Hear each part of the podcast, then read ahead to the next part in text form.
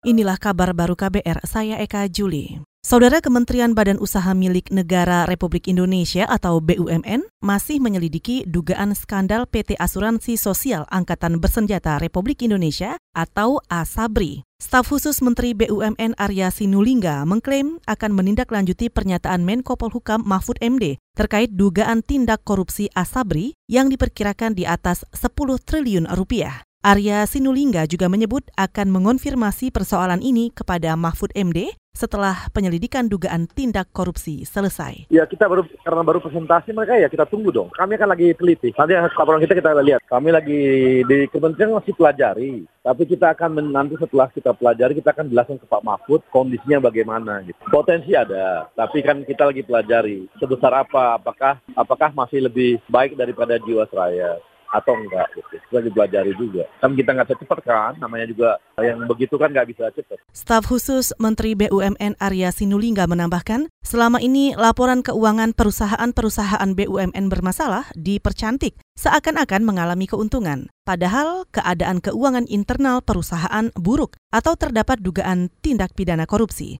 Selain itu, pengawasan internal di perusahaan BUMN masih lemah.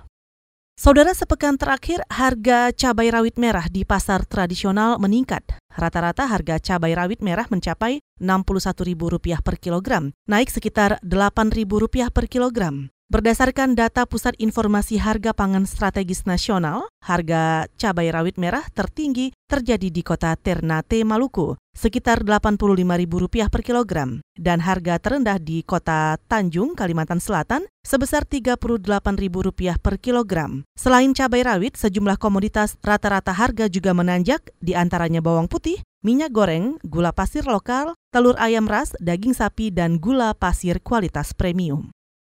Saudara sektor pertanian sarang burung walet menjadi pendapatan paling menjanjikan di Kalimantan Timur. Kepala Balai Karantina Pertanian Kalimantan Timur Abdul Rahman mengatakan, nilai ekspor dari sarang burung walet mencapai 6 triliun rupiah per tahun. Abdul Rahman mengatakan nilai ekspor itu bisa meningkat dua kali lipat hingga tiga kali lipat jika Kalimantan Timur mengekspor langsung sarang burung walet ke luar negeri.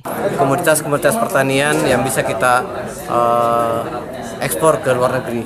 Untuk Kaltim sendiri yang paling besar sebenarnya adalah sarang burung walet yang selama ini ekspornya lewat Surabaya, lewat lewat Semarang. Kepala Balai Karantina Pertanian Kalimantan Timur Abdul Rahman menambahkan, karantina pertanian akan membangun tempat pencucian sarang burung walet di Kota Balikpapan, sehingga bisa langsung diekspor setelah dibersihkan tanpa diekspor melalui pelabuhan Surabaya dan Semarang. 2019 lalu, ekspor sarang burung walet dan Kalimantan Timur mencapai 176 ton. Saudara di akhir sesi pertama perdagangan Senin 13 Januari, indeks harga saham gabungan atau IHSG di Bursa Efek Indonesia ditutup menguat. Selengkapnya disampaikan jurnalis KBR Astri Yuwanasari dari Bursa Efek Indonesia Jakarta. Saudara indeks harga saham gabungan IHSG di Bursa Efek Indonesia Senin 13 Januari 2020 dibuka menguat 12,97 poin atau 0,21 persen ke posisi 6.287,91. Sementara kelompok 40 25 saham unggulan atau indeks LQ45 bergerak naik 3,57 poin atau 0,35 persen menjadi 1021,59. Sementara bursa saham Asia pada perdagangan pagi ini masih cenderung bervariasi karena investor menunggu penandatanganan kesepakatan perdagangan fase pertama antara Amerika Serikat dan China. Bursa saham Shanghai bergerak di zona merah terkoreksi 0,21 persen. Bursa Hong Kong menguat 0,4 persen, lalu di Korea Selatan Kospi naik tipis 0,12 persen dan Bursa Singapura menguat 0,22 persen.